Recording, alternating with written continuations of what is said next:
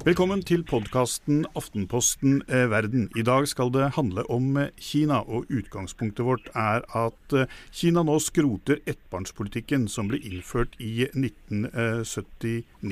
Jørgen Lone, vår Asia-korrespondent, du har nå akkurat tatt deg en liten break fra valgkampen i Myanmar for å være med oss her nå. Hvor viktig og hvor stor er denne reformen?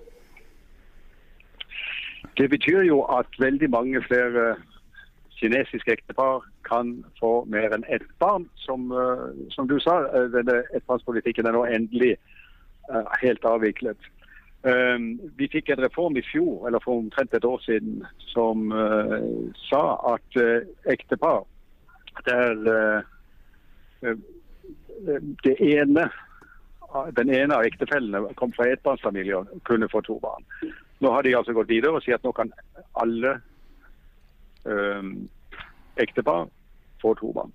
Eh, jeg skal bare introdusere våre to andre gjester her også, eh, Jørgen, før vi, ja. før vi fortsetter eh, videre. Vi har med oss redaktør og forfatter Helge Øgrim, som har skrevet bok, ikke minst om Norges forhold til Kina. Velkommen. Mange takk. Og vi har med oss utenrikskommentator her i Aftenposten, Per Christian eh, Haugen. Takk. Og tilbake til, til deg, eh, Jørgen. Det er jo fortsatt slik at den kinesiske regjeringen kommer til å ha et øye av det nær sagt med soverommene til det kinesiske folk, fordi eh, man øker jo bare muligheten fra ett til to barn, og fortsatt vil det jo være en begrensning eh, her. Jo, det, det, er jo en begrensning selvfølgelig at det bare går an å få to barn. Men øh, det kan jo få øh, stor betydning for uh, befolkningsutviklingen i Kina. Årsaken til at man gjør denne reformen nå, er at folketallet i Kina vil gå ned om ca. ti år. Det når toppen i 2025, og så vil det gå langsomt nedover til 2050. Og eh, med en befolkning som er eh, ganske gammel, så, så blir jo dette vanskelig uh, i fremtiden hvis det skal være færre hender til å utføre arbeid, færre mennesker til å betale skatt, færre, færre mennesker til å sørge for pensjonen til, til de gamle kineserne. Per Kristian Haugen, um, dette. Dette eh, er kanskje en av de eh, kinesiske eh, reformene, eller hva man skal kalle det, som har vært det største synlige skillet mellom systemene i, i øst og, og vest. Betyr denne oppmykningen på dette området at vi også kan se for oss oppmykninger på andre områder?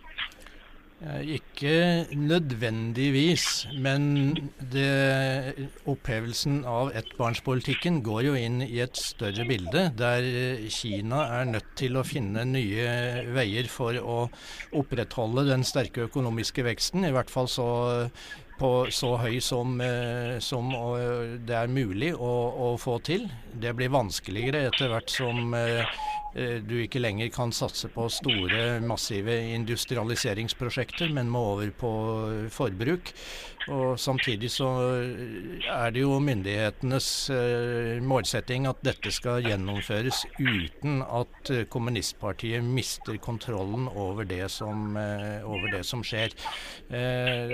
Dette som nå er gjort med ettbarnspolitikken, inngår altså i, i, det. Og det må jo sies at, at det er et populært tiltak som, eh, eh, som blir hilst velkommen av veldig mange i Kina. Helge Øgrim, er det ren økonomi som eh, nå presser kineserne til å gjøre dette? Jeg tror i hvert fall man er veldig optimistisk hvis man tolker eh, oppmykning av familiepolitikken som noe varsko om politisk reform. Det ser jeg egentlig ingen tegn til. Tvert imot så er det mange tegn til at eh, dagens ledelse under Xi Jinping styrer i motsatt retning og strammer inn på veldig mange viktige områder som går på den politiske frihet. Denne her ettbarnspolitikken er jo i seg selv ganske oppsiktsvekkende, som vi i og for seg har hørt om i, i mange tiår. At, at et uh, autoritært regime griper så sterkt inn i enkeltmenneskets og enkeltfamilienes liv, uh, har vel knapt skjedd egentlig i i moderne samfunnshistorie, og kanskje ikke noen annen samfunnshistorie heller. Eh, og når de myker opp, så er det demografiske årsaker og økonomiske årsaker, selvfølgelig, som eh, de håper at de skal unngå å havne i en slags japansk felle. Men eh, Jørgen, eh, jeg har akkurat lest eh, i denne boken til den Wall Street eh, Journal-journalisten som har skrevet om, om, om denne ettbarnspolitikken. Det er altså en halv million byråkrater og 85 millioner deltidsspioner som brukes for å håndheve denne politikken. Dette er jo en del av statsapparatets overvåkningsapparat? Jo, det, det, det, har det jo vært. Og, det har jo vært strenge sanksjoner mot de som har uh, brutt mot denne politikken i alle disse år. Folk har jo blitt tvunget til abort. Det er jo blitt dokumentert. Og uh, de som har fått ekstra barn utover det de hadde tillatelse til, har, har, jo måttet betale bot for dette. Så jo da, det har vært en streng overvåkning av dette. Ellers har jeg lyst til å si at jeg er enig med Øgrim. Eh, og det at vi ser en oppmykning av denne ettbarnspolitikken, varsler nok neppe noe politisk reform i noe demokratiseringsretning, i hvert fall i, eh, i Kina. Det er demografiske og økonomiske årsaker til at vi, vi får dette nå. Men en, på ett område så, så, ser vi også uh, et annet tiltak som skjer da, uh, eller Den meldingen kommer omtrent uh, samtidig. og Det er at om kort tid så skal det altså være et møte på presidentnivå mellom Kina og Taiwan. Varsler dette, ifølge det du ser, Jørgen, en, en, en ny vår mellom, mellom, mellom store Kina og, og Taiwan? Det er jo eh, et historisk møte, det er åpenbart. For det er første gang at uh, Folkerepublikken Kina og Republikken Kinas statsoverhoder møtes. Sånn sett er det, er det jo en, uh, klart et, et, et skillelinje. Uh, det er kommentatorer som mener at president Ma på Taiwan er veldig villig til å gjøre dette nå pga. Eh, at han eh, sliter litt på meningsmålingene foran det valget som skal være i januar. Hvordan tolker du dette, Per Kristian? Jeg tror, er, jeg tror, det er, vanskelig å si noe sikkert om, om dette. Men det, igjen så må vi jo se på den større sammenhengen, der, der Kina jo gjennom de siste årene har gjort eh, svært mye for å markere seg som den virkelig store og dominerende makten i, i regionen. Eh, at eh, Taiwan kommer inn i, i dette nå, det, det, kan jo muligens føre til et, et tøvær. Men, eh, men, samtidig så er det jo ellers lite i Kinas politikk som, som tyder på at man i Beijing er, er, innstilt på å gjøre noen store innrømmelser overfor vesentlig mindre partnere. Så for min del så stiller jeg spørsmålstegn ved om det vil komme særlig mye ut av dette. Kina er ingen enkel nabo, selv om Taiwan er i en særstilling med den forhistorien som de, de to partene har. Ja, jeg er enig i det at det gjenstår å se hvor, mye som kommer ut av dette. For Xi Jinping så har det vært viktig å, kunne vise eh, fremgang på dette området. Han har eh, proklamert nokså tidlig, jeg tror like etter at han overtok som eh, statens president, at det var i hans periode i hans skal vi si, tiår med makten at uh, gjenforeningen med Taiwan skulle skje. Om han kommer til å greie det, det, det vil jo tiden vise. Jeg sier det et spørsmål. Man har jo nå lenge fulgt en større spenning. Kinesisk opprustning og større spenning i forhold til Kina og naboene. Ser man også at Kina nå tar en større rolle i det internasjonale samfunnet? På den internasjonale arena? Kina ønsker seg helt åpenbart en større rolle på den internasjonale arena. Og uh, sånne tiltak som uh, den nye Silkeveien, ofte kalt, kalt uh, Road and Belt Project vitner om dette. Også markeringen av det som man hevder er kinesisk område i Sør-Kina-havet f.eks., viser jo at Kina ønsker å bli respektert og ansett som den stormakten det er. Uh, hvordan dette vil arte seg videre, syns jeg det er litt vanskelig å, å spå så mye om. Men det er helt åpenbart at for det nåværende eh, kinesiske lederskapet er en klar, en klar målsetning om å bli eh, Altså om å spille en større rolle på den internasjonale arenaen. Men for å vende litt tilbake til uh, vårt eget uh, forhold til uh, Kina. Helge, du har skrevet bok om, om, dette, og i den har du jo dokumentert at forholdet mellom Norge og Kina har jo vært problematisk før Nobelkomiteen ledet av Torbjørn Jagland ga fredsprisen til en opposisjonell og nærmest gjorde det bånnfrosset.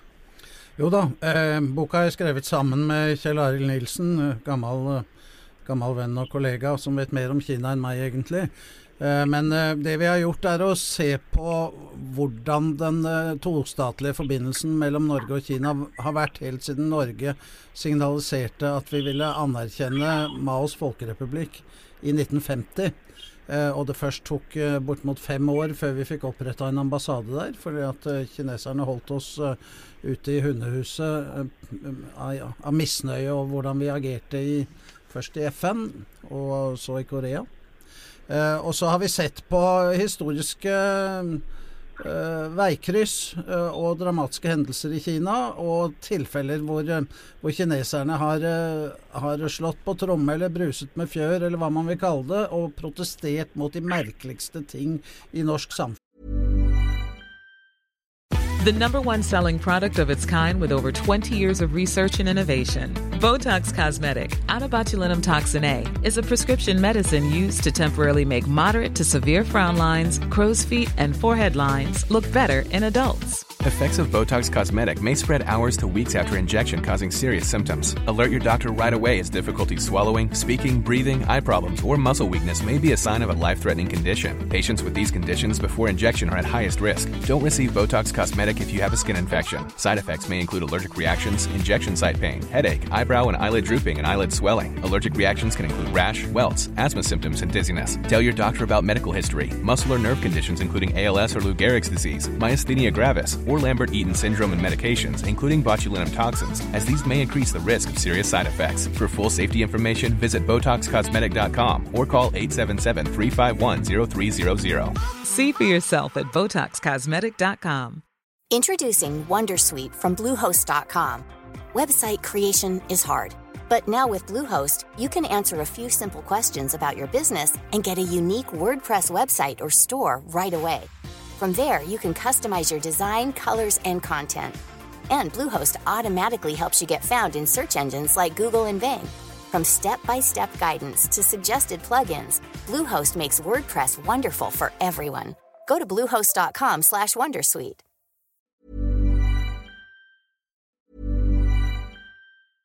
Hey, I'm Ryan Reynolds. At Mint Mobile, we like to do the opposite of what Big Wireless does. They charge you a lot we charge you a little. So naturally, when they announced they'd be raising their prices due to inflation, we decided to deflate our prices due to not hating you. That's right. We're cutting the price of Mint Unlimited from $30 a month to just $15 a month. Give it a try at mintmobile.com slash switch. $45 upfront for three months plus taxes and fees. Promo for new customers for limited time. Unlimited more than 40 gigabytes per month. Slows. Full terms at mintmobile.com. Introducing Wondersuite from Bluehost.com. Website creation is hard. But now with Bluehost, you can answer a few simple questions about your business and get a unique WordPress website or store right away.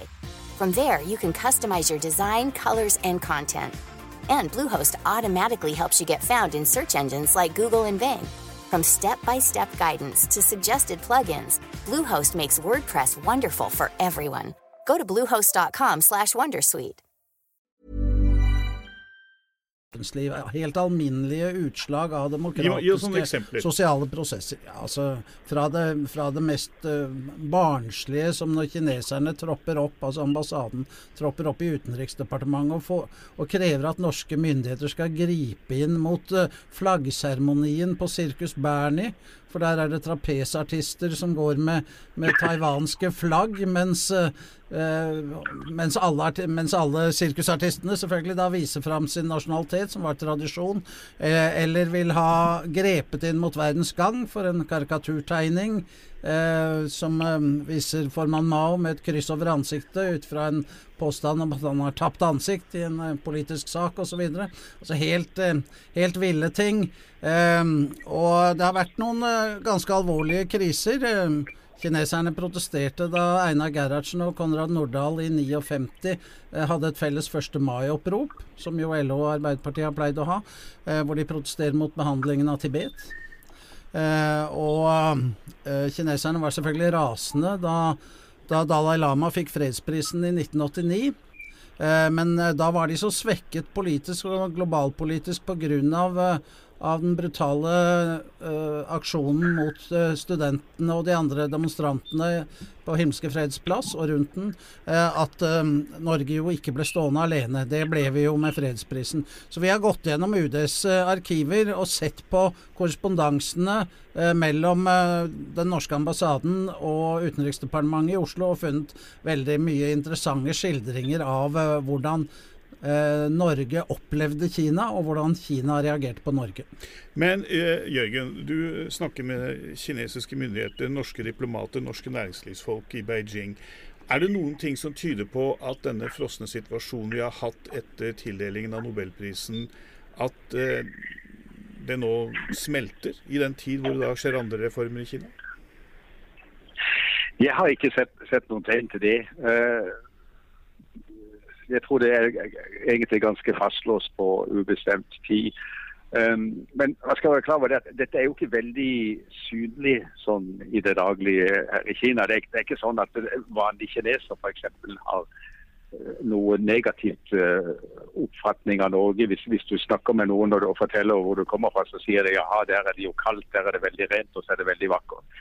Uh, og veldig få her, eller i Kina, uh, kjenner jo til Liu Xiaobo i det hele tatt. Um, men altså av, av, partifolk, av politisk bevisste mennesker på, på, et, på, et, på et, visst nivå, f.eks. i partiapparatet, så, så, er det klart dette er en, en ting som de er veldig oppmerksom på. Og, og gjerne ja, kanskje snakker litt om litt underhånd med, med, med, journalister, uten at vi blir så veldig mye klokere av det. Uh, jeg tror ikke det det er noen uh, opplysning som sagt på gang her. Men uh, det er jo verdt å merke seg at veldig mange som forretningsfolk f.eks. For uh, rapporterer om 'business as usual'. Det er den politiske, altså dialogen på politisk plan som, som, er virkelig skadelidende av dette her. Og diplomatiet. Men forholdet mellom Norge og Kina, eh, skal vi si folk til folk osv. Eh,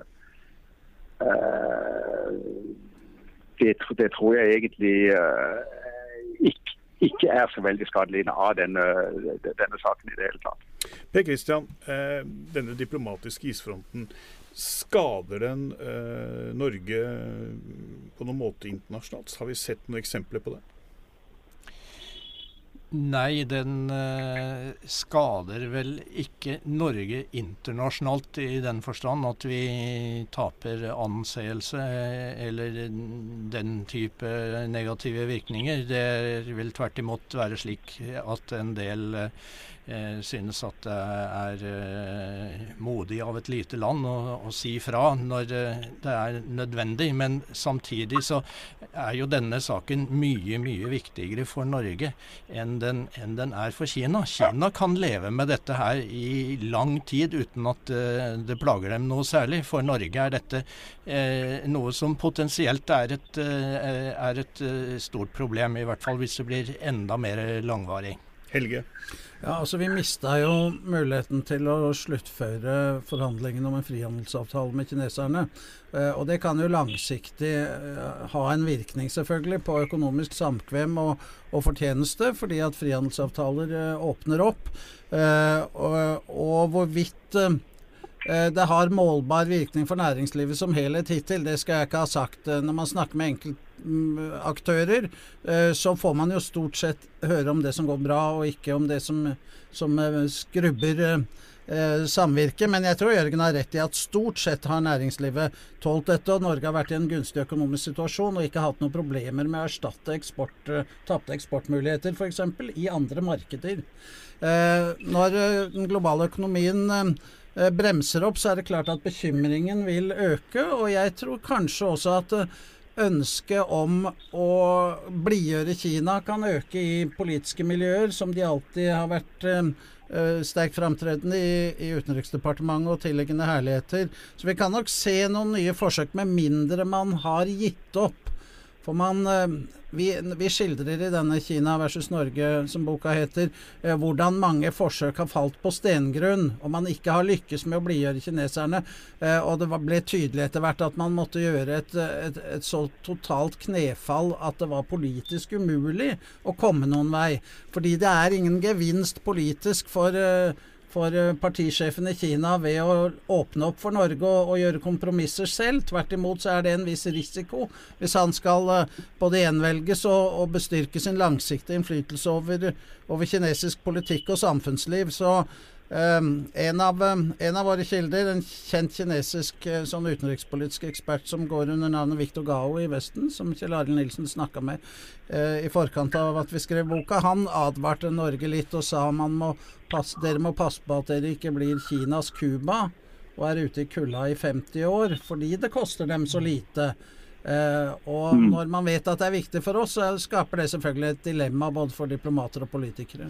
Og Helge, har jo helt rett i det at, og at, at dette er jo mye mer viktig for Norge enn for Kina. Og jeg kunne tenke meg å spørre Helge, som har undersøkt disse tingene og skrevet denne boka, som jeg nå gleder meg til å få lese. Eh, I hvilken grad kan en se det slik at eh, det for Kina er gunstig å vise et eksempel med Norge?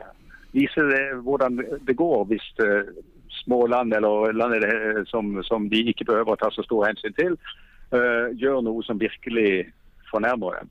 Jo, vi har drøfta det i boka. Vi har også spurt uh, flere andre om det, bl.a. da vi snakket med akademikere og, og, politikere på Taiwan for uh, i underkant av et år siden. og mange er enig i det resonnementet som jeg også deler med deg, Jørgen, at, at det, er, det, er, gunstig å ha en Var det prygelknabe det het på tysk?